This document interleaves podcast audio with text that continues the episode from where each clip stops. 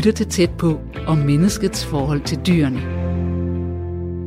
I den her uge handler tæt på om det moderne menneskes forhold til dyrene. Hvad kan vi lære om dyrene og af dyrene, så vi kan få et bedre liv? I dag er jeg i vendsyssel sammen med Vinnie Stubkær Laversen, som de sidste 20 år har arbejdet med at kommunikere med dyr og hjælpe mennesker til at blive bedre til at forstå og hjælpe deres egen dyr. Blandt andet gennem healing og fjernhealing. Vinnie og jeg er i vendsyssel for at besøge Henriette Bæk Jensen, som er en af Vinnies kunder. Vi skal blandt andet snakke om dyrenes evne til at forstå, hvad der foregår omkring dem. Hvad sker der for eksempel i en hunds hoved, når den bliver kastet rundt fra den ene ejer til den anden? Henriette, som vi skal besøge, vi er faktisk lige uden for hendes hus, og vi er ikke gået ind endnu, men det gør vi om et øjeblik. Vi skal også besøge hendes hund. Ja, det var det, jeg skulle til at sige. Vi skal besøge hendes hund, der hedder Rina. Kan du sige sådan meget, meget, meget, meget kort, hvad er historien om Rina? Jamen, øh, jeg synes faktisk, at vi skal have Henriette til at fortælle den historie. Men øh, det, jeg synes, der er sådan er essensen i det, det er, at, øh, at det er jo gået fantastisk godt. Men det gjorde det ikke altid i Rinas liv. Godt, men det er set op nok. Så lad os lige øh, køre op, så vi er henne ved hende. Super. Kan du holde den her? Det gør jeg.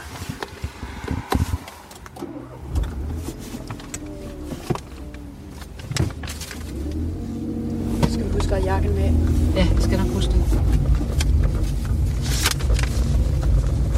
Og det er jeg ikke klar over, om Henriette hun ved det her, men det kunne være interessant at spørge hende, om hun ved det. Ja. Og grunden til, kan du ikke pege på mikrofonen lidt hen mod mig? Du har lige sagt til mig, at jeg skal huske at tage jakken af. Og hvorfor er det, jeg skal det? Øh, ja, øh, det er fordi din jakke er sort. Og øh, inden vi tog afsted hjemmefra i dag, så fik jeg sådan et, et hint.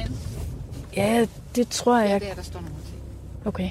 Øhm, der fik jeg sådan et hint om, at den her sådan hund har oplevet nogle ting med et menneske, der har båret sort tøj.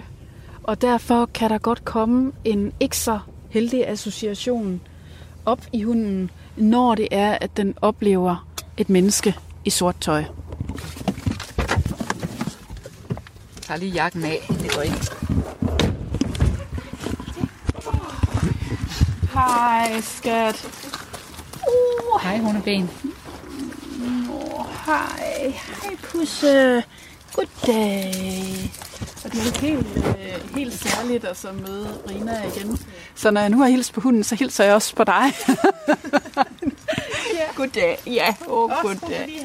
Vi har lige øh, haft et, et lille, øh, en lille ting, som jeg vil starte med at spørge dig om, Henriette. Og, øh, og nu sidder Rina jo her ved mig, og øh, måske det er et udtryk for, at Rina faktisk føler sig mødt allerede på en rigtig god måde. Jeg har lige sagt til Christine, at før jeg skulle afsted i morges, så, øh, så fik jeg sådan et øh, hint om for Rina, at hun har, dårlige, øh, oplev- har haft dårlige oplevelser med mennesker i sort tøj.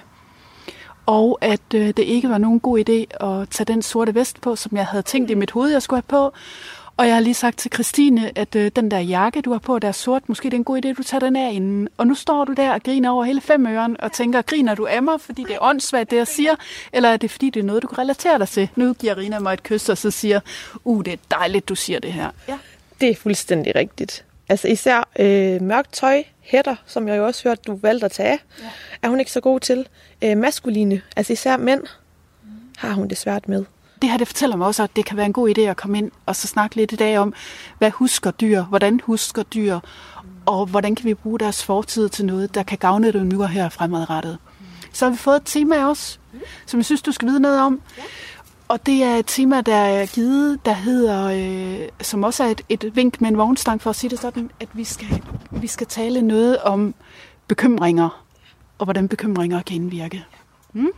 Og nu er, det lige, nu er det jo radio, det her, så jeg vil lige sige, hvordan det ser ud. Altså, vi er kommet ud af bilen, og øh, Vinnie, hun satte sig straks ned på huk, og din hund, den har sat sig hen ved siden af hende, mm. som om de har siddet der hele dagen. Mm.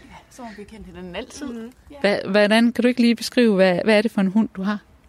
Jamen hun er halv rottweiler og halv hønsehund. Og en hund, som øh, vi har haft siden hun var 9 måneder, eller det vil sige, hun startede hos min mor egentlig, fra dyr, dyrenes beskyttelse. Okay, Så hun er en redningshund. en ja. redningshund. Jamen lad os gå ind og snakke mere om det. Vil du ikke have dine sko indenfor, Christine? Det er koldt derude. Nå, det er det også. God Min kæreste er landmand også, og vi går ud, så det, så, det må man godt. Åh, oh, ja, det må man det er gerne. Så ja. Det er mit hundebarn. Dit hundebarn?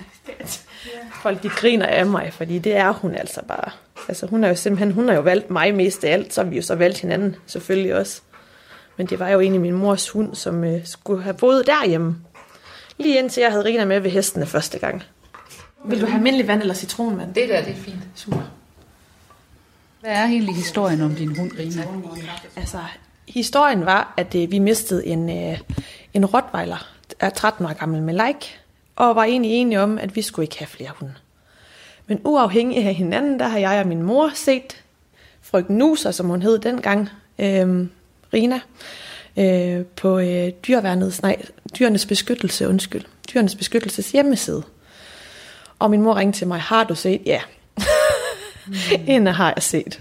Og så blev det jo til, at min mor kunne slet ikke lade være, så hende og min lillebror kørte ned og besøgte hende. De havde skrevet for inden, for de er meget påpasselige med, hvem de giver dyrene. Øh, men Rina, hun faldt jo i armene på min mor og bror, da de kom, så hun, de fik hende med hjem med det samme. Og jeg sejlede på det tidspunkt, så der gik ind i et stykke tid, hvor hun boede hos min mor. Men hvor Rina så... Jeg havde hende med ved hesten, da jeg kom i land. Øhm, og siden da, der har hun været min hund. Hvad der præcist øh, er sket med Rina, hun var ni måneder, da vi overtog hende. Det ved vi jo ikke 100%, men jeg har haft andre til at kommunikere med hende, fordi jeg godt ville vide lidt om hendes fortid. Fordi til at starte med, der var, der var Rina meget, øh, når man kom ind i store jakker, mørke jakker, så øh, krøb hun. Øh, blev hun sådan helt lille, du ved, kunne hun sådan gemme sig helt hen i de hjørne, så gjorde hun det. I min verden, så så jeg det som øh, værende angst, altså bange, hun var nervøs og bange. Øh, hele hendes ansigtsudtryk, altså vist usikkerhed. Øhm, og senere blev den usikkerhed til, at hun blev, i stedet for at blive tilbagetrukket, så blev hun meget udadreagerende. Så hun kunne flyve igennem luften med klaprende tænder og gøen efter folk, hun, der nok har sat et eller andet i gang hos hende, mindet hende om noget. Øhm, jeg har fundet ud af hende af vejen, at folk med alkohol eller andet i blodet reagerer hun meget voldsomt overfor, så jeg er ikke i tvivl om, jeg ved, hun har været hos en mand øh, til at starte med, og der boede hun i, i øh, en grisestal øh, med hende og hende, altså hendes mor og bror også. Og det altså, er så vidt jeg er bekendt kun Rina, der overlevede ud af de tre. Og de har levet af, hvad de nu kunne finde. Og manden bare hat, har vi fået at vide. Øhm, og det jeg har fået at vide ud af kommunikationerne, hvad jeg selv har fornemmet for Rina, det er, at han var meget ud af reagerende og kunne godt finde på at slå efter dem også. Skælde på dem og slå. Øhm, så kommer hun så til en nordjysk dyrredning, som så hører om dem, og så ligesom får dem taget fra den her ejer. Da der ikke er plads der, så kommer hun til dyreværnet. Øh, og det er jo så der, vi så møder hende første gang og får hende hjem. Så hun har jo et eller andet sted øh, jeg har været lidt igennem på meget, for mange få måneder, et eller andet sted, ni måneder gammel kun, og så har jeg været, det vi det fjerde sted. Ja, den, der er den jo på ingen måde voksen. På ingen måde voksen, nej. Øhm, og det der med at være alene hjemme, kunne hun slet ikke. Hvad, hvad skete der, når den var alene hjemme? Hun splittede alt, hvad hun kom i nærheden af. Min mor, hun mod hendes vilje, prøvede faktisk med at få hende i et bur, for det er nogen hunde, der falder lidt mere til ro på den måde, men hun, hun kunne komme ud af buret.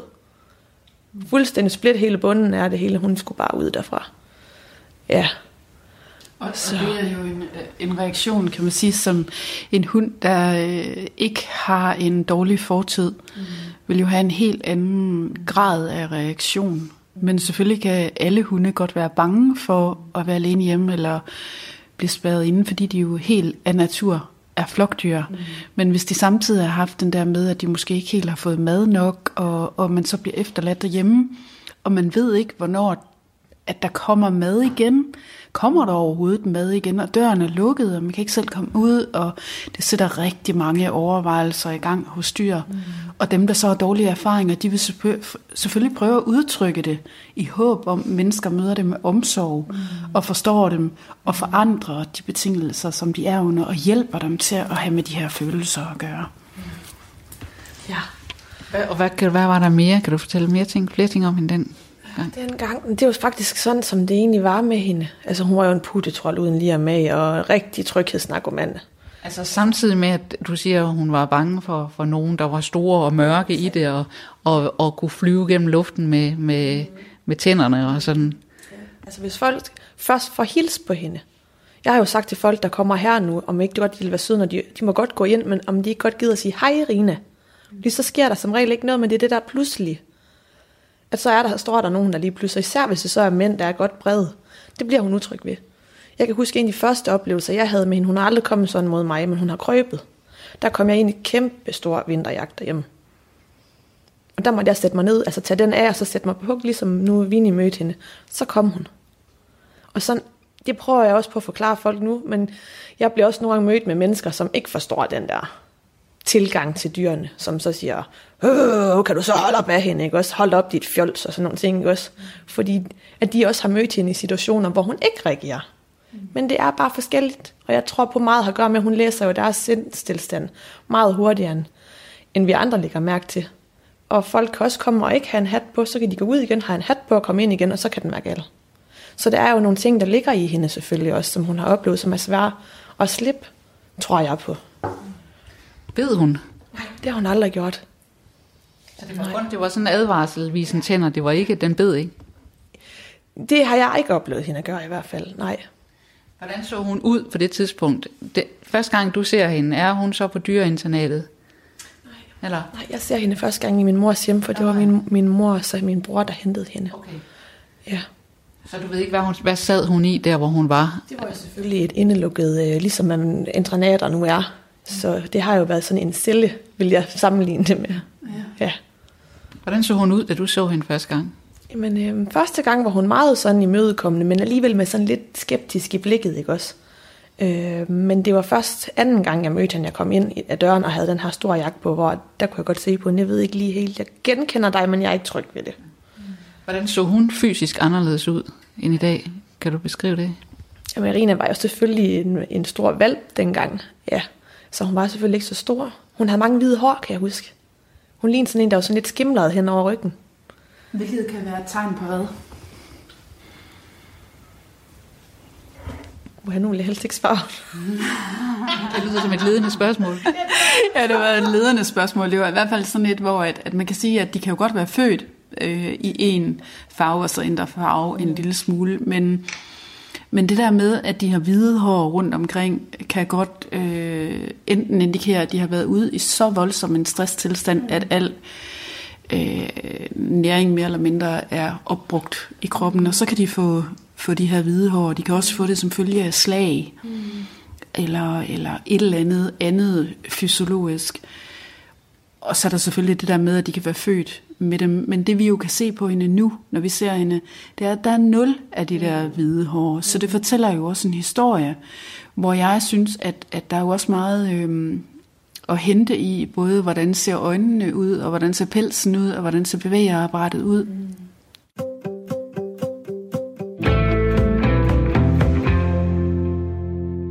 Vi ved, at psyken påvirker kroppen, og kroppen påvirker psyken, og, øh, øh, og jeg arbejder jo sådan, at jeg får mange hints, som du hørte her i dag, med at, at jeg har fået hints for os om noget, som jeg faktisk ikke vidste en skid om. Mm. Og det var det her med jakken og med hatten. Mm.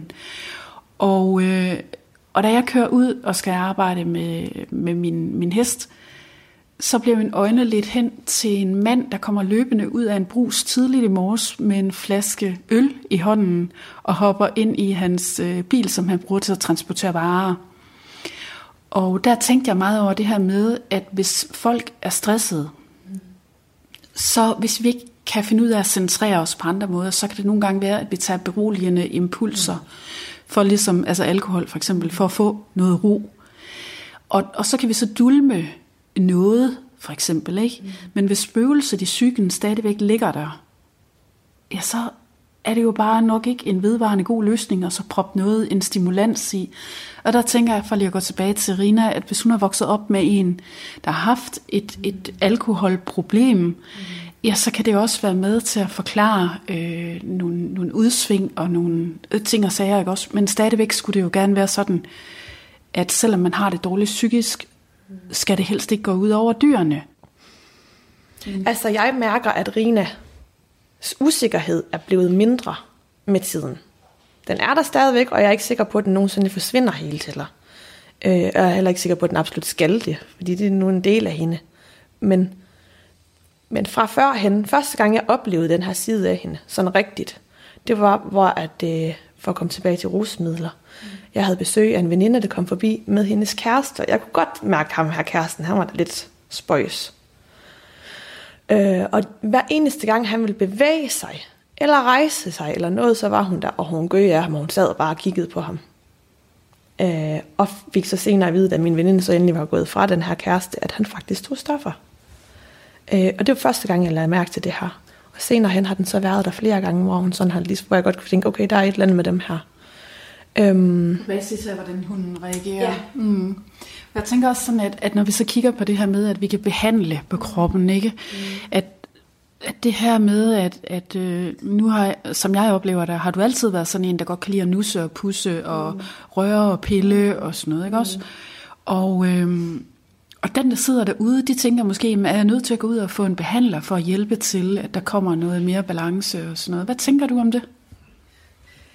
Det er man jo ikke, medmindre der er noget alvorligt, tænker jeg. Og så har man selvfølgelig været dyrlægen ja, først, hvis det er. Mm. Øh, men jeg har nok altid været sådan lidt med, at jeg godt kan lide at nusse bevidst. Altså, at jeg har et formål med, når jeg nusser dem. Også ikke, at det altid skal have et formål, men, men at man er nærværende med sit dyr. Øh, altså er her i nuet med dem, uden at have tanker om hverken fortid eller fremtid, eller hvad vi skal nå senere. Men, men jeg har altid holdt af meget øh, at kigge på min hund og se, at hun, hun halter vist lidt på det der bagben. Ikke, Rina har et bagben, hun døjer med. Det er også for dyrlæge, det er dyrlægetjekket, og det er, det er ikke gigt, øh, men, men det, det er et, et ben, vi skal holde øje med, det er hendes bagben. Så når jeg kommer hjem om aftenen fra hestene, så kan jeg altid se på hende, at hun har brugt det. Altså, at, det, at hun bliver træt i kroppen. Så kan jeg godt lide at ligge og nusse hende og, og lidt massere hende i cirkler. Altså, bare ligge og, og nu kærligt, men med en bevidsthed om, at, at jeg gerne vil gavne samtidig. Så jeg kalder det sådan lidt bevidst nusning. Eller kærtegn, egentlig. Øh, så det går jeg meget at gøre med hende. Er der andre ting, du har gjort? Altså noget af det, man nogle gange gør, hvis nogen er sådan utrygge, det er, så tænker man, okay, så skal der være sådan en form for ro omkring, at der er sådan nogenlunde de samme rutiner på de samme tidspunkter af dagen, så man ved, hvad man har at gøre med. Måske især når man tænker, at nogen, der har haft mange forskellige hjem, så har de brug for den der ro. Øhm, det har været lidt svært, men Rina er meget med. Rina er sjældent alene hjemme. Hun kan godt være alene hjemme den dag, der hun er faktisk rigtig god til at være alene hjemme. Men Rina så, er... Så hvis der er nogen, så, så det det egentlig betyder, det er, at man kan få en hund, der har det rigtig, rigtig dårligt, men hvis man er nærværende med dem, og de får følelsen af, at man tager dem ind i sin flok, mm. så, så angsten for at miste bliver på et tidspunkt mindre, fordi der er en erfaring med, at man hænger sammen mm. med de andre. Så, så dem, der sidder derude og måske tænker, at min hund har et adfærdsproblem, mm. og den kan ikke være alene hjemme og lignende, der er faktisk håb mm. forude. Undskyld, jeg afbrød, men... Ja, men det er der jo virkelig, fordi Rina kunne ikke være alene i starten. Men det, vi startede jo op med lige så stille og roligt. Øh, det var hun nødt til på det tidspunkt, hjemme min mor arbejdede, jeg sejlede, så hun var nødt til at skulle lære at være alene hjemme. Og vi gjorde det jo til at starte med, øh, hvor det var to minutter. Altså, og så var det 5 minutter, og så var det 7 minutter, og så var det 10 minutter. Altså ud lige så langsomt, stille og roligt. Og så og gjorde vi... længere, end hun slappede af, eller... Ja, det er nok det. Og så gjorde vi meget ud af at fortælle hende det. At nu tager vi det og det sted hen, og man må desværre ikke have hunden med herhen. Men at vi kommer tilbage igen, og vi er kommer tilbage senest klokken det og det. Du ved, så hun var klar over det, og det har altså virkelig hjulpet for hende. Og det har jeg også fortalt mange andre mennesker, der døjer med det samme, hvor det virker bare. Det virker, at de får forklaring. Fordi der er nogen, der siger også, at hvis du øh, vil have, at din hund ligesom ikke skal blive ked af det, når du går, og sådan, så skal du lade være med at gøre for stort et nummer ud af det. Så skal du nærmest bare sige, hej, hej, så ud af døren. Fordi så den ikke sådan får en forventning om, at nu er der, nu er der noget stort og sørgeligt, potentielt sørgeligt på vej, fordi at, at øh, menneskene siger, ej, nu skal du altså være alene hjemme. Det er ikke min erfaring med det. Det er det ikke. Min erfaring er, at forklaringen, det, der, det er vejen frem. Jeg kan da godt se på hende, hun har regnet ud, når jeg trækker i arbejdstøj, så skal jeg på arbejde, og jeg kan jo også godt se på hende, at hun tænker, mm. men så kan jeg fortælle hende, at om maks to timer, så kommer mor og mor og henter dig. Altså min mor. Ja. Og så ligger hun sig bare ind og sover. Det gjorde hun ikke før. Han var hun på døren og alting. Altså, det er hun slet ikke nu. Hun ligger sig bare og sover, og ofte har hun ikke engang registreret, at min mor kørte ind af indkørslen. Så hun vågner nogle gange først, når min mor står og kigger på hende herinde i kurven. Ikke? Så det er jo en tryg hund ja. i min verden, at man, hun ligger simpelthen og sover så dybt, at hun ikke engang opdager, at folk kører ind længere. Det er jeg jo glad for. Ja. Men kan der så være noget i måden, man skal sige til hunden, at nu går man på?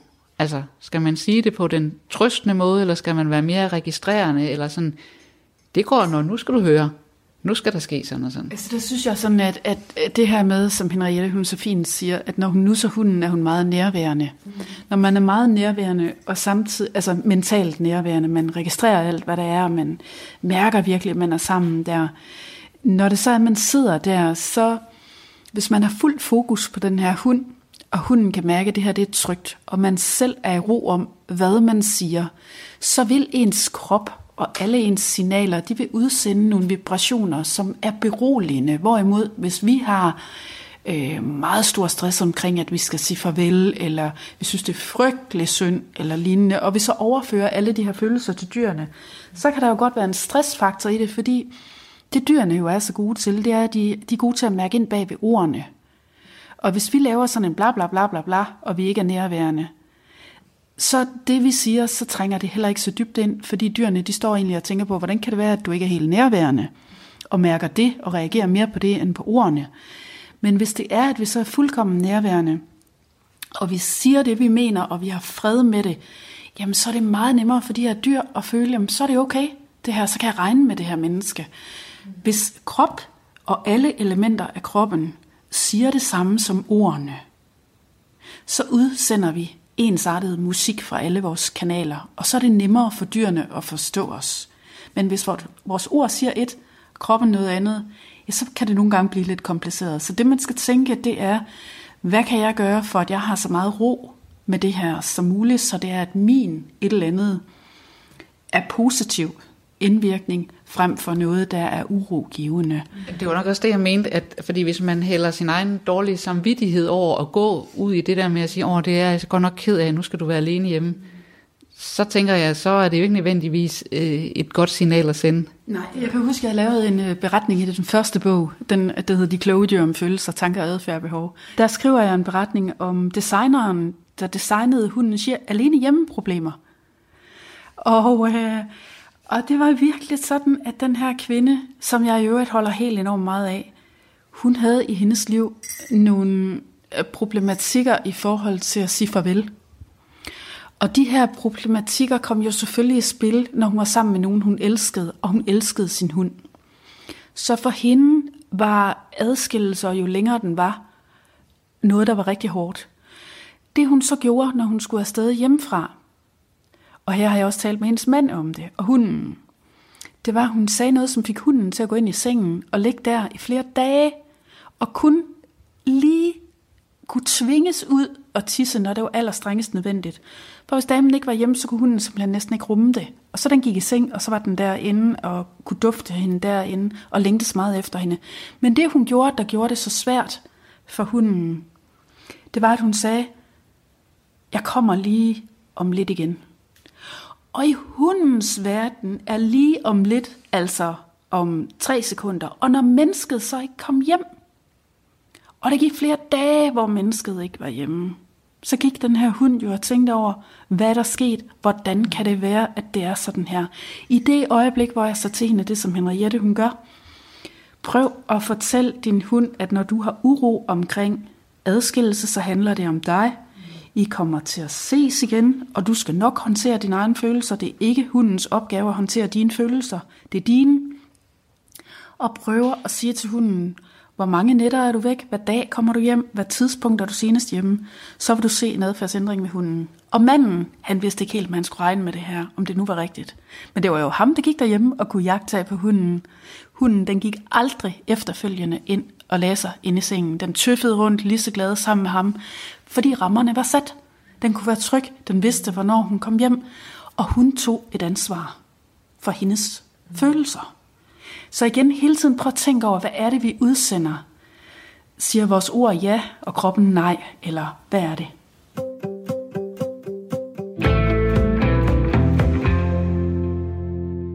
Du lytter til tæt på om det moderne menneskes forhold til dyrene. I dag blandt andet om hunden Rina og dens ejer Henriette Bæk Jensen. Rina har haft et hårdt liv, før den kom hjem til Henriette. Det gjorde hunden bange, usikker og truende. Nu har den det meget bedre. Alligevel bekymrer Henriette sig. Uh, ja. Jamen, min, i forhold til Rina, hvis vi skal tage der, så var jeg, tror jeg nok, at jeg var ret så meget skyld i, at hun har været ud af regionen længere end nødvendigt måske, fordi at jeg jo, når der kom nogen, åh oh, nej, nu gør hun det der lige om lidt, for så må jeg hellere lige, du ved, så hun var jo allerede i gang, inden jeg overhovedet nåede at gøre noget, fordi hun kan jo mærke på mig, at der er noget at bekymre sig over. At du nærmest, du nærmest forventede, at hun ja, gjorde ja, det. Ja, og hun vil gerne møde mine tanker og behov selvfølgelig, ikke også? Så, det, så, så, sådan var det jo. Hvor senere har jeg fået den vendt rundt til at sige, men Nå, nu kommer der nogen, eller hvis jeg ved, der kommer nogen, så fortæller jeg hende det. Og ved jeg ikke nogen, så kommer der nogen kørende ind, jamen, så siger jeg, der kommer nogen, så kan hun godt stryge ud i hyldende svart. Også nok noget gø, men hvis bare jeg når, altså er derude, og ligesom fortæller hende, det gør ikke noget det her, det, de er velkommen. Når jeg så åbner døren, så er der ingenting. Så er der ingenting. Og jeg har erfaret, at tit, når hun gør tingene, så er det, hvis jeg ikke er der. Mentalt eller fysisk? Eller begge Også dele, fysisk, eller? begge dele egentlig vil jeg sige. Men også hvis hun går herude for eksempel. Øhm, Chris har nogle gange fortalt mig, nu, nu, nu gjorde hun det altså lige igen, for, for nu, nu var du her ikke. Øh, så det har jeg nogle gange sådan tænkt lidt over, hvad, den kan, hvad det egentlig kan være for. Altså, øh, om hun føler sig tryggere, når jeg er der, eller, og ikke tryg nok ved ham endnu. Det er sådan, når han er alene med hende hjemme, så er hun alene hjemme, har jeg sådan lidt en fornemmelse. Giver det mening? Det synes jeg, det gør. I hvert fald ja. i mine ører gør det. Og Ja. så tænker jeg, at her er vi jo inde på parforholdsdynamikker også. Ja. Og, og noget af det, som, som øh, jeg da klart vil tilråde, det er, at I får en rigtig god samtale om, hvad er det, der virker. Mm. Fordi det handler jo ikke om, at han er mindre rigtig. Han er bare anderledes. Mm. Men det, der virker rigtig godt for hunden, det er jo det, man skal trække frem. Jeg mener jo, at, at når vi tager et dyr ind, så er det vores fornemmeste pligt at arbejde med os selv, og arbejde med at gøre det godt for de her dyr. For de har typisk ikke et valg. De bliver sat ind i et bur, eller de bliver sat ind i et eller andet, men de har jo lige så mange følelser som alle vi andre. Det er bare ikke altid, vi hører dem, men så kan adfærden jo fortælle om, hvordan de har det, og hvordan vi er. Men der vil jo være nogen, der vil ryste på hovedet og sige, altså hunden er jo ikke et menneske, og har derfor skal derfor være, for øverst har vi menneskene, øverst har vi de voksne, så kommer børnene, så kommer hunden. Ja. Oh, ja. En gang så sagde man også, at jorden den var været for noget. Mm. Så, så, så jeg tænker sådan, at fred være med det, og så må de også gerne have det, og, og hvis det tjener dem, og deres dyr ikke mindst, at holde fast i de overbevisninger, jamen så må de da gerne gøre det, men det kunne måske også være, at deres verden vil åbne sig og give nogle langt kærlige og dybe og fede oplevelser, hvis det var, at de ikke havde behov for at stille sig selv som øverst på pyramiden. Ikke? Altså dyrene har jo trods alt været her utrolig længe, som jeg plejer at sige. Sanserne kom før videnskaben, og dyrene de overlever af at sanse bevidst. Og vi mennesker, vi fjerner os mange gange fra, hvad det er, vi sanser. Så jeg ved sgu ikke helt, hvem det er, os der er klogest, men det kan jeg jo så bare sige med et smil. Så kan folk jo gøre, hvad de har lyst til. Så kan man jo gisne lidt om, om det så er, at alle de der skader og uro og dårlige konsekvenser i kroppen og sådan noget, og dyrlægeregninger i hovedbetal, at det måske kunne være lidt, man kunne undgå af problemer, hvis det var. Mm. Men det er jo bare mine tanker. Men der er jo nogen, der vil sige, at det er så fordi, at nogle af de der adfærdsproblemer opstår, fordi der er for uklare linjer om, hvem der er hvem, og hvilke roller man har. Ja, men det er jo også en meget interessant tanke, og de er meget velkommen til også at tage en uddybende dialog med. Men mener du ikke, at der skal være, være øh, sige, klare linjer om, hvilke roller man har? Det er der jo også tit i en familie, ligesom der er i en flok, og, og man har ikke den samme rolle, Jo, det mener den samme plads. Ja. Det, det mener jeg, men der er forskel på at have rolle, og så hvor meget hjertelighed man udtrykker. Mm. Ikke også? Øh, og, og nærvær og, og hjertelighed, hvis man sætter dem for sig, og så siger, at når jeg... Øh, nej, lad os, lad os sige det sådan. Jo mere hjertelig og åben jeg er over for, at mit dyrs adfærd er et bevidst udtryk for nogle tanker og nogle følelser, hvad de optager af informationer om os. Jo mere åben man er over for det, frem for at tænke, at det er et bare adfærd, som kommer fra instinkter. Men jo mere åben man er, så begynder man også at se, at den her hund faktisk gør et kæmpestort stykke arbejde. Og der er det da selvfølgelig vigtigt at så sige, at det er ikke hunden, der, der tager øh, og gør rent i huset, eller de der forskellige ting. Men hvis du kigger på rollen, og det er en hund ønsker i forhold til, når den lever med livet, så vil den gerne anerkendes for det, den kan gøre af forskel. Og det kan godt være, at den ikke kan sidde med ved bordet, og den ikke kan gøre tage støvsugeren og alle de forskellige ting. Men det hunden, den kigger efter, det er, hvad kan jeg gøre for at assistere familien? Og hvis den kan finde ud af at sige vov og holde øje med noget, så gør den det, fordi den gerne vil hjælpe os alle sammen. Mm. Den vil gerne ses som, at den forsøger at gøre noget godt for alle. Men hvis vi så som mennesker tænker, og vi så begynder at gø på vores måde af hunden, ja, så vil hunden selvfølgelig spejle den her gøen i mange tilfælde, men den vil også kunne tænke og reflektere over, hvorfor gør vi det her, når den forsøger at gøre det bedste for os? Hvordan kan det så være, at vi afviser den, eller skiller den ud for at prøve at gøre en indsats? Og der mener jeg, der går det nogle gange lidt galt, at, at vi glemmer nogle gange at påskynde alt det, de prøver at gøre for os. Og så har vi sådan et idealbillede af, hvordan er rigtigt og forkert. Men det idealbillede, det kan også nogle gange komme til at stå i vejen for, at vi får det bedste ud af nuet, og andre gange kan det hjælpe til, at vi får det bedste ud af nuet. Noget af det, jeg blandt andet siger, det er, jamen hold nu op, alle de kunder, jeg har haft, der er kommet til mig og så har sagt, min hund, den er sgu da så dum. Nu sidder den der og tigger ved, ved bordet, og jeg har jo sagt til den 100 gange, Rufus, kan du så gå ud i din kurv? Og så går der fandme ikke ret længe, undskyld mig lytter, at jeg bander lidt. Det er Egon, vi snakker om her. jeg, jeg kalder egoet Egon. Øhm, og så Rufus, så har jeg sagt det. Jeg ved ikke, hvor mange gange.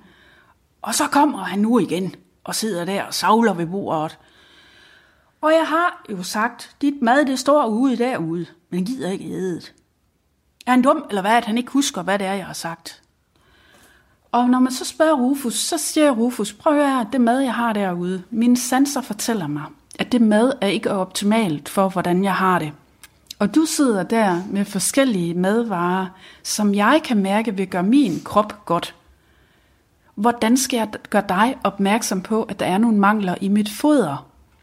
Ja, det kan jeg måske gøre, hvis jeg sætter mig hen til bordet og kigger på det, og prøver med mine øjne og min krop at fortælle dig, at der er noget her, jeg virkelig har brug for.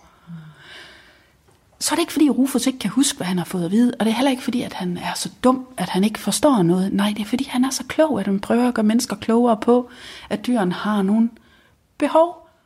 Og der kan man sige, afhængig af, hvad briller vi har på, og hvor vi kommer fra, så er der jo forskel på, hvordan vi reagerer.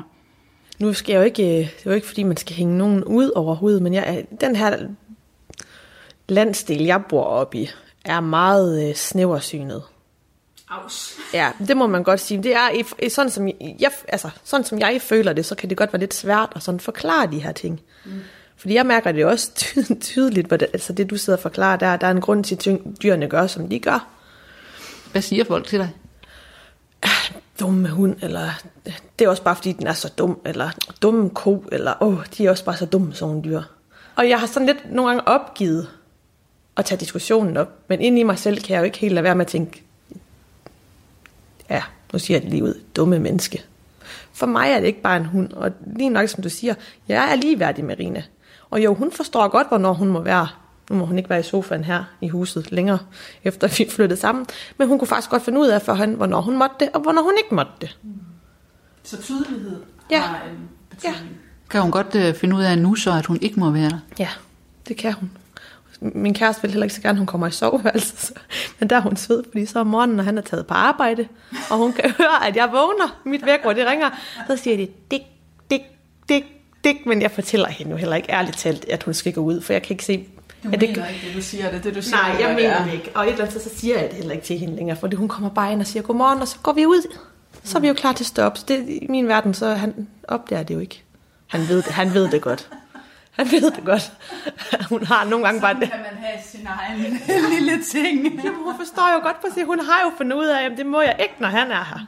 du Men, ved, så det gør han ikke. Jeg faktisk godt tænke mig, øh, nu kan vi godt blive lidt bekymret for, om Chris han hører med, ikke? Nej, det er godt. Ja, og, og det er også bare sagt med et smil. Yeah. Men jeg tænker sådan, at vi kommer ind omkring det her med bekymringer, hvordan bekymringer kan indvirke. Jamen altså, jo, altså jeg har altid været et meget bekymret menneske. Jeg kan godt sådan tage for, sover på forskud. Jeg afholder mig fra at gøre ting.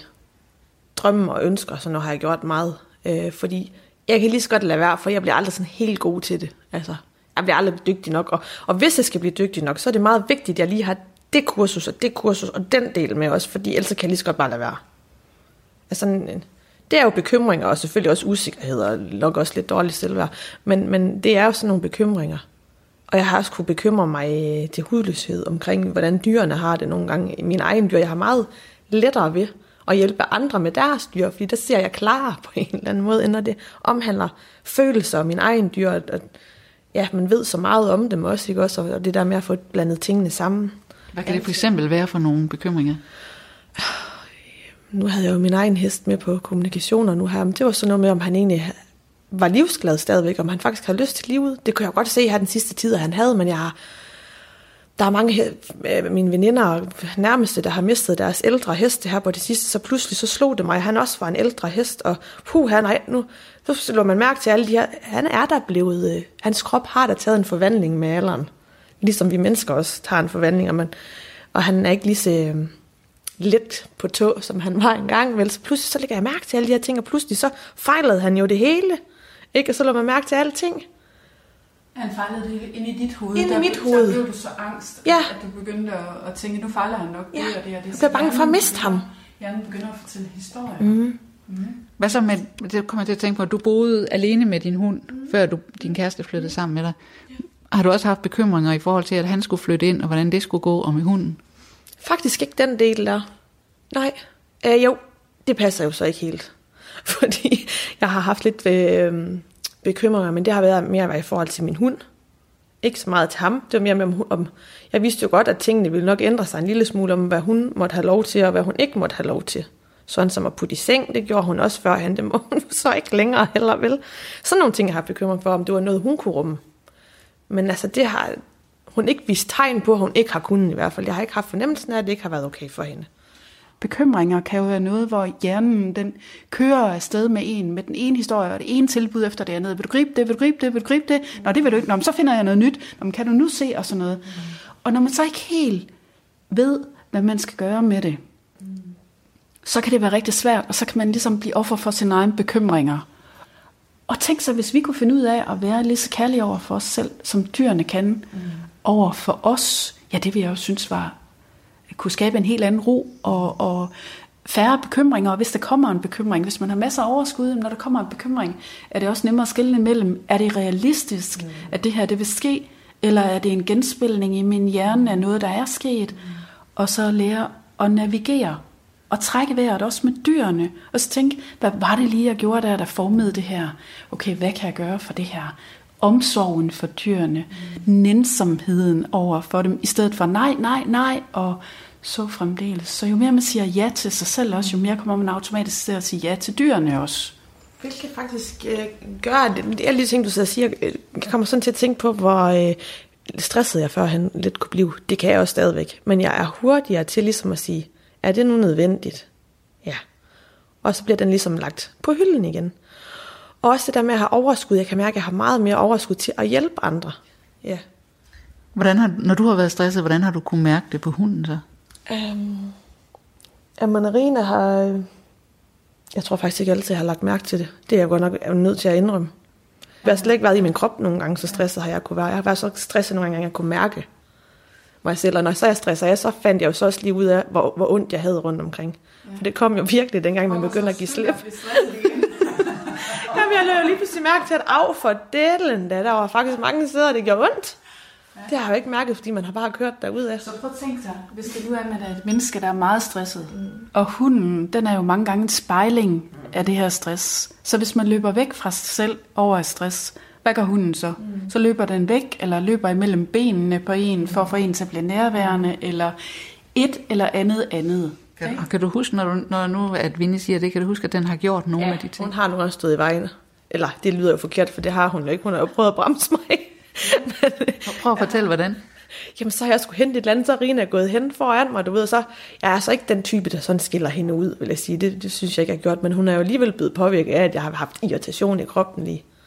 Ikke? Og du mener, hun har forsøgt at hjælpe dig ved ligesom at, at stå i anførselstegn i vejen, så du ligesom kunne sætte tempoet ned? Ja. Det gør de jo. Min hest, han gør det ved at støde ind i mig, og lige give mig et lille nap. Du ved, kom lige ind i dig selv, du. Træde ind over til, ja, ja. det er også effektivt ja. til at få en til at få lidt jordforbindelser nærvær. ja. Så hvordan tror du, at det er øh, for dyr at prøve at hjælpe sine flokmedlemmer, og så blive peget fingre af, mm. eller hvordan tror du det er? Hvad tror du, de har behov for der? De har da behov for at få anerkendelse et eller andet sted for kærlighed og et tak. Mm. tak for hjælpen. Mm. Ja. For man kan jo også blive bange for, om de bliver ved med overhovedet og ønsker at prøve så til sidst, hvis man hver gang får et nej. Det gør de måske heller ikke. Nej, det tror jeg ikke. Og der er det så, at der er nogle hunde, der ligger hen i en kurv og ser ud som om, at de sover og hviler, og man så ifølge målinger vist på BBC, at der kan man måle, at de faktisk er enormt stresset. Og det er jo på grund af, at hun er så rolig jo, ikke også, og ligger og hygger sig og sådan noget, ikke? Men, men det har hun faktisk gjort, når jeg sådan har set, tænker tilbage på, hold op, ja, man får sådan lige nogle øjenåbner lige nu faktisk også, at øh, når det har været aller værst i, i sådan længere perioder, så har hun netop gjort det, hun bare har lagt sig over i kurven, du ved, Nå, så ligger jeg ikke nogen i vejen, agtigt, ikke også, og så må hun rase af en eller anden måde, men sådan har hun jo temmelig sikkert ikke haft det indeni. Nej. Nej. Nu bruger jeg et ord, som måske ikke er det helt rigtige at bruge, men det er det, der falder mig øh, tættest på tungen lige nu. Det er, at hunden bliver nemt offer mm. for, hvordan mennesker har det. Mm.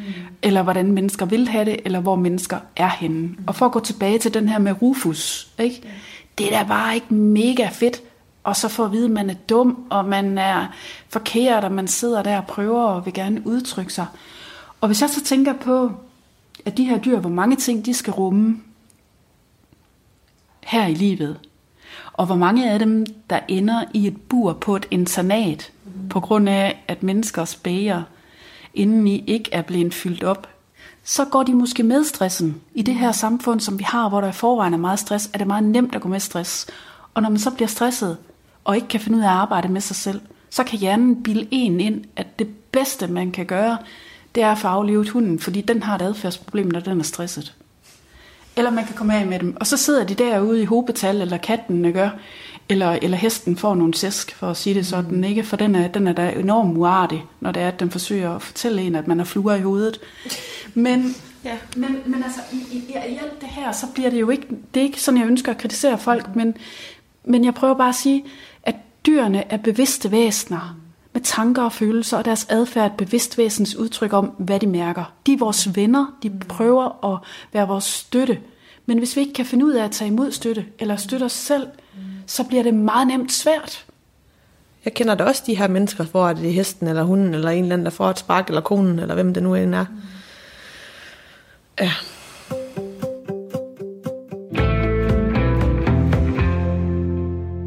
Din hund er en hund, som er blevet flyttet flere gange, har flere forskellige ejere. Og det der med, at man også snakker om skilsmissebørn, der har svært ved at flytte, og skilsmisse dyr, der kan have svært ved at flytte mellem flere forskellige hjem. Hvad er det med det der med at, at flytte og have en fast base? Hvorfor er det så vigtigt? Altså, hvad, hvad, hvad har du tænkt om det? Jeg har fundet ud af Marina i hvert fald, at hendes mennesker betyder mere end hvor vi bor. Fordi hun har jo et eller andet sted boet hos min mor, været flyttet med mig ud i huset, og nu her. Og det har ikke været noget, jeg har mærket, der har øh, været hårdt for hende, eller hun ikke har kunne, altså, ikke har kunne rumme. Så jeg tror, det havde været noget andet, hvis hun skulle have været ude i et hjem, et nyt hjem, hvor det var nye mennesker også. Så man siger jo, at hver gang en flytning, en skilsmisse eksempel er en krise. Men en flytning er også en krise i et menneskes liv. Jeg har ikke, faktisk ikke kunne mærke, at hun herude er der virkelig sket meget med Rina, men der er nok også sket rigtig meget med mig, når jeg egentlig tænker over det, fordi der er kommet ro på forholdsmæssigt, efter vi har fundet ud af at komme herud. Der, han har boet ved sine forældre i mange år, og jeg har boet i mit eget, og endelig har vi fået det her sammen. Hun var en, der stak af, da vi boede i mit eget hus der, hvis ikke, der fik jeg lavet sådan en indhegning til hende, så hun blev der. Her stikker hun ikke af. Medmindre hun er i løbetid, så kan det godt ske. Men det er noget helt andet. Så, så den vej rundt, der er der også sket rigtig meget med mig. Jeg har fået meget mere ro herude. Øh, det er ligesom, endelig har vi fundet det her sted, som vi begge to drømmer om. Hvor der er plads til køer, der er plads til heste og hund og katte og alt, de, alle de her ting. Øhm, så jo mere du har flyttet dig som menneske til at komme ind i en ro, jo nemmere er det også for hunden mm. at så tage en flytning. Ikke? Mm. Tænker jeg det der med, hvordan man præger sig en flytning, tror jeg handler om, der tror der er to ting. Det ene ting er, det gode bånd med mennesket, det betyder enormt meget. Og så er der selvfølgelig, hvordan er det her sted, som man flytter til. Det har en indvirkning på dyrene. Kan de høre naboerne? Kan de høre, øh, hvordan, hvordan er det? Ikke? Også spiller man høj musik, som er ved at gøre dem døve? Eller hvad er det, man gør? Ikke? Og så er der det element, der hedder, at hvis man skal overtage et dyr fra et andet menneske, så har dyret nogle rutiner. Og det er jo det, der sker ved en skilsmisse også. Det er, at rutiner bliver brudt. Mm. Så hjernen, det den er vant til at kunne forholde sig til, at belønningssystemer og rogivende øh, impulser bliver lige pludselig forandret. Så vi kommer ud i en usikkerhedssituation. Ikke? Så, så det jeg sådan tænker, det er, at hvis man skal overtage et dyr, brug noget tid på, hvis det overhovedet er muligt, at studere det her dyr sammen med de tidligere mennesker. Og tale om, hvornår fodres der, hvordan fodres der, hvor tror, det er, hvor tror de dyr, at det får en positiv impuls, og hvor har I udfordringer, og, og så selvfølgelig skal I skabe jeres eget, men jo mere man kan tage med af det, der var før, og jo mere man kan putte i dyrenes guldbager, mm med ros og påskyndelse og nærvær og stabilitet og tryghedsgivende øh, informationer og rammer, jo bedre. Fordi jeg tænker, at hvis man er hvis man er skilsmissebarn, skal man jo kommer der jo en masse følelser op, og det kan også være rigtig godt, når forældre bliver skilt. Men det kan også være, være rigtig hårdt på nogle andre områder. Men ved dyrene, der kan man sige, at, at når de oplever en skilsmisse, så er det typisk heller ikke noget, de får en forklaring på. Og hvis de har forsøgt at gøre en masse godt, som Rina for eksempel, ikke? hun har forsøgt at gøre en masse godt over for de her mennesker, og være søde og rare og prøve at blive mødt. Mm. Hvis mennesker så ikke forstår de impulser, og lønner det, mm. så på et tidspunkt kan de stoppe med at tage et initiativ, mm. og når de kommer til nye, kan de være bange for at tage et initiativ, for hvordan vil de blive mødt mm. i det. Og så bliver det lige pludselig helt ekstremt stressende at flytte, hvis det er, at man ikke har alle de der positive ja-hat-elementer på. Mm. Og hvis man så samtidig ikke er nærværende, mm. og dyrene efterlades derhjemme, og ved ikke, om de overhovedet ser det her menneske igen, så er det jo ekstra stressende. Når man så er sådan en familie, der har en to-tre børn, og en hund, og en kat, og hvad det nu kan være, og to voksne med et travlt liv, så, er der, så kan man godt blive stresset ved tanken om, øh, hvis al den kommunikation, man også skal have med hunden, øh, i stedet for bare at tænke, Nå, den er vist glad, det giver den noget mad, og går en tur med den, så er det fint. Ja. det kan også være en, en måde at sådan forsvare, hvad man gør. Det er så altså, prøve at finde en undskyldning for at lade være med at forholde sig til, at de har så mange følelser, ikke også? Man kan godt være, altså, have meget, man skal nå, uden at det påvirker en. Uden at man lader sig stresse af det. Altså, hvis man tænker, at man kun har fem minutter, så bliver tingene stresse stressende, ikke også? I frem for bare at tænke, at man, øh, man har hele dagen, og jeg har i hvert fald oplevet med dyr generelt, om det så er hunden, om det er katten, eller om det er hesten. Hvis jeg lader som om jeg har hele dagen, så tager det to minutter. I forhold til, hvis jeg, jeg har kun de her fem minutter, så vælter man det hele, så vælter hesten det hele, og så, altså, så går det bare galt. Så det der skønt og langsomt, det har bare givet så meget genklang i mig, og jeg tror også, det er det, der har gjort, at mest af alt faktisk, at jeg har lært at ligesom sætte, øh, altså tage gearne lige et hak ned, ikke engang et hak, flere hak ned faktisk, at jeg kan rumme at have mange ting at se til, uden at blive stresset af det. En ting, der er rigtig vigtigt, det er det der med, hvad fokuserer vi på i de fem minutter, vi har? Fokuserer vi på alle de, de gevinster, der er ved de fem minutter, vi har ved hunden? Mm. Strømmer det her påskyndende energifelt ud, jamen så bliver hunden jo også meget nemmere fyldt op, end hvis vi bruger 50 minutter på at sidde og være pisse sur over, at vi skal bruge 50 minutter på den agtigt, ikke? Altså hvis man nu går og er nærværende, generelt prøver i sit liv at være nærværende, jamen så er du der jo 100% i de, om det så kun er to minutter, du klapper hunden, eller er, er ved hunden, er sammen med hunden. Men det, at du er der, og det, du er der sammen med børnene, og det, du er der sammen med din mand, at når I sidder og spiser, så er du der. I stedet for, jeg har nu taget mig og min kæreste, så sidder vi lige og på Facebook. Så lægger Men de telefoner. Spiser. Ja, væk med de telefoner, fordi vi kigger jo ikke engang på hinanden så. Og smager i maden, Nej. så spiser. Nej.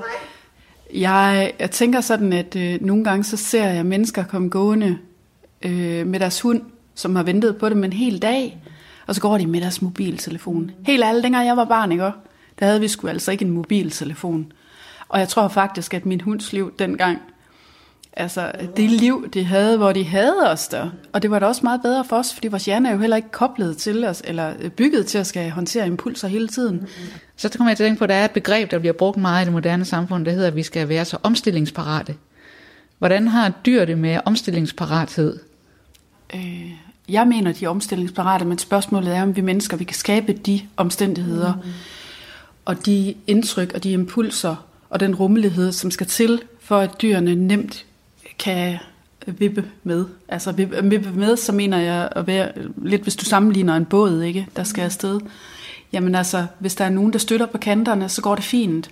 Men hvis der er en, der står og rokker med den helt vildt, så kan man sgu godt blive lidt søsyg undervejs, ikke? Eller, ja. Men nogle gange kan man også komme til at køre så meget i rutiner, at, at dyrene gerne vil opleve noget mere. Og der igen, jo mere vi er nærværende og mærker efter, jo mere kan vi se, hvornår vi skal gøre hvad. Så hvordan jeg er i en omstillingsfase, og hvor høje krav jeg stiller i forhold til det, vi skal nå frem til, det betyder rigtig meget at kigge på det, hvis man skal svare på det her spørgsmål om, er dyr omstillingsparate, eller er de ikke? Du har lyttet til tæt på i dag om det moderne menneskes forhold til dyrene. I udsendelsen medvirkede Henriette Bæk Jensen og Vinnie Stubkær Laursen. Christine Sølling Møller har tilrettelagt.